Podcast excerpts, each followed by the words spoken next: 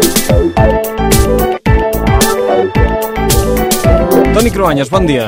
Hola, bon dia, què tal? Avui, Toni, ens avançarem a l'actualitat, eh? He pensat que estaria bé avançar-nos perquè demà comença a Londres el judici per l'extradició de Julian Assange. Segurament durarà 5 dies, després hi haurà sentència. Els Estats Units demanen que l'extraditin perquè l'acusen de 18 càrrecs diferents i li volen, de fet, aplicar la llei de l'espionatge. Li podrien arribar a caure 170 anys de presó als Estats Units. Sí, sí, 170 anys de presó, però banda ja fa un any que és a una presó, a Belmarsh, i abans havia estat 8 anys tancat a l'ambaixada de Londres d'Equador. 8 anys confinat per evitar aquesta detenció que ara el que podria passar-li és que l'enviïn als Estats Units. Toni, el, el pare d'Assange ha dit aquesta setmana que el seu fill està millor, però denuncia que l'han tingut confinat en solitari i que la seva vida havia estat en perill. Sí, perquè, a veure, hem de pensar que Assange s'ha convertit en un símbol, sobretot és això ara, un símbol. Per als que estem a favor de la llibertat de premsa i per la informació, és un heroi.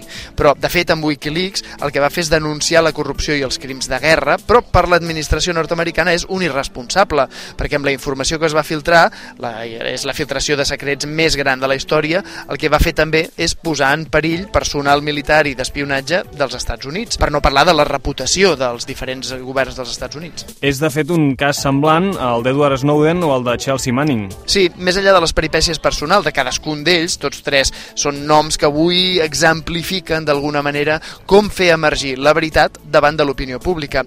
Assange, de fet, ho deia així en una entrevista. We are subverting illegitimate authority. The question is whether the authority is legitimate or whether it is illegitimate. En aquesta entrevista, Julian Assange diu estem desafiant una autoritat il·legítima. La qüestió de fons és si l'autoritat és legítima o no. Aquesta és la qüestió, Toni? Jo crec que sí. Qui és el dolent aquí? El que amaga la informació per justificar una guerra en què després acaben morint milers de persones o qui destapa aquesta gran mentida? Això en una dictadura no tindria discussió perquè, com que no hi ha llibertat d'expressió, però en una democràcia és més difícil de gestionar. El primer dissident o subversiu de la història democràtica seria Sòcrates. Ens n'hauríem d'anar a l'antiga Grècia. Avui no anirem tan lluny, però si et sembla ens quedem amb la democràcia contemporània per excel·lència, als Estats Units. Què et sembla? Avui amb Antoni Cruanyes recordem el Watergate i els papers del Pentàgon.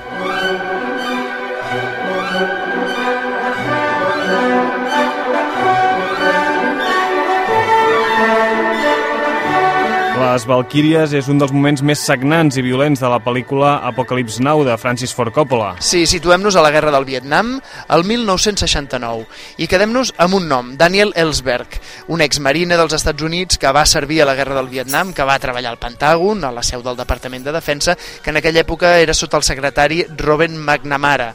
Va col·laborar en un estudi top secret dels documents classificats sobre la gestió de la Guerra del Vietnam que havien fet els diferents governs dels Estats Units. Toni, recordem que la Guerra del Vietnam havia començat el 1955, eh? I encara que el govern nord-americà ho amagava, els comunistes del nord estaven guanyant la guerra. De fet, el conflicte va acabar amb una derrota de Washington amb gairebé 60.000 soldats americans morts. Va ser un gran desastre dels Estats Units. En temps de Guerra Freda, en què era important per determinar l'estat d'ànim de l'opinió pública, veure què és el que pensaven sobre els diferents conflictes, el govern dels demòcrates, John Fitzgerald Kennedy i Lyndon Johnson, van mentir repetidament a la població, als nord-americans, mentre continuaven enviant soldats al front. Això, Daniel Ellsberg i un equip ho van recopilar al Departament de Defensa durant dos anys i el 1969, encara amb la guerra oberta, va decidir fer diversos jocs de fotocòpies d'aquells documents classificats.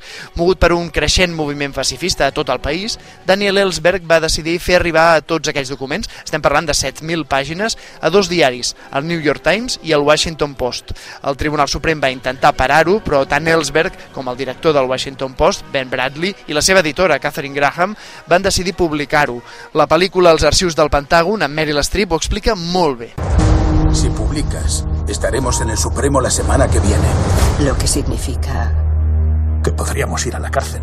I gràcies a aquesta filtració, el món va saber que els presidents nord-americans havien enganyat la societat i el mateix Congrés. Daniel Ellsberg va ser el Julian Assange d'aquella època, podríem dir. Aquell cas portaria més cua, ja que pocs anys després el president Richard Nixon toparia amb una altra acusació de la premsa que destaparien el cas de corrupció també més famós de la història nord-americana, el Watergate. But the interests of the nation must always come before any personal considerations. Richard Nixon és l'únic president que ha dimitit per un cas de corrupció. I una altra vegada va ser per una filtració periodística. El Watergate va ser el nom que es va posar a aquelles pràctiques corruptes del president Nixon per castigar els seus opositors i espiar-los. Tot va començar amb la detenció d'uns lladres a unes oficines del Partit Demòcrata. Era l'edifici conegut com a Watergate, a Washington. Aquests lladres van resultar ser espies pagats pel comitè de reelecció de Nixon, però el president va fer tot el possible per encobrir-los. Els periodistes Bob Woodward i Carl Bernstein van publicar el que una font anònima de l'FBI els va explicar, que és l'abús de poder de Nixon. La font de l'FBI va rebre el nom de Gola Profunda i ni Woodward ni Bernstein no van delatar-lo mai. De fet, no va ser fins que 30 anys després l'informant es va identificar públicament. Era William Mark Feld. Eh, en aquells moments havia estat subdirector de l'FBI. També d'aquesta aventura periodística se'n va fer una pel·lícula cèlebre, Tots els homes del president, amb Robert Redford i Dustin Hoffman. Quina època, eh? Van ser moments brillants per al periodisme. A vegades és molt difícil dir la veritat, eh? Si, també, sobretot, si aquesta veritat qüestiona el poder. Sí, hi ha un altre cas menys èpic, però que segur que alguns oients recordaran. Jo el vaig viure com a corresponsal a Londres durant la guerra a l'Iraq, i és el cas de David Kelly. Mira, l'any 2003 el govern de George Bush va decidir fer la guerra contra Saddam Hussein de l'Iraq sense cap raó de pes. Mm. La propaganda nord-americana a vincular a Saddam Hussein amb l'atac terrorista contra les Torres Bessones de Nova York del 2001 no se suportava amb, amb cap fet concret. Tothom sabia sabia que no era veritat. Així que van desviar l'atenció dient que Saddam Hussein tenia armes de destrucció massiva. Van dir, van arribar a dir que Saddam Hussein tenia capacitat d'activar una arma que podia atacar Europa en tan sols 45 minuts. Sí, sí, 45 minuts. Són arguments que van repetir Tony Blair al Regne Unit o José María Aznar a Espanya. Doncs un inspector d'armes internacional que treballava pel Ministeri de Defensa britànic va explicar a un periodista de la BBC que els informes dels serveis secrets sobre Saddam Hussein s'havien maquillat expressament per fer més gran del que era aquesta amenaça de l'Iraq. El periodista de la BBC que em va informar va mantenir el secret de la seva font, però al final es va saber que aquell inspector d'armes era David Kelly. Donada la pressió mediàtica internacional del govern britànic, David Kelly va acabar suïcidant-se.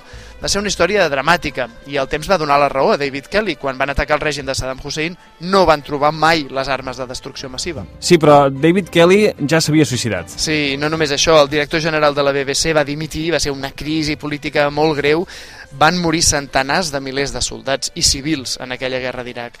És una guerra que es va fer sobre premisses, i ara ho sabem, premisses falses. This is the end, my only friend.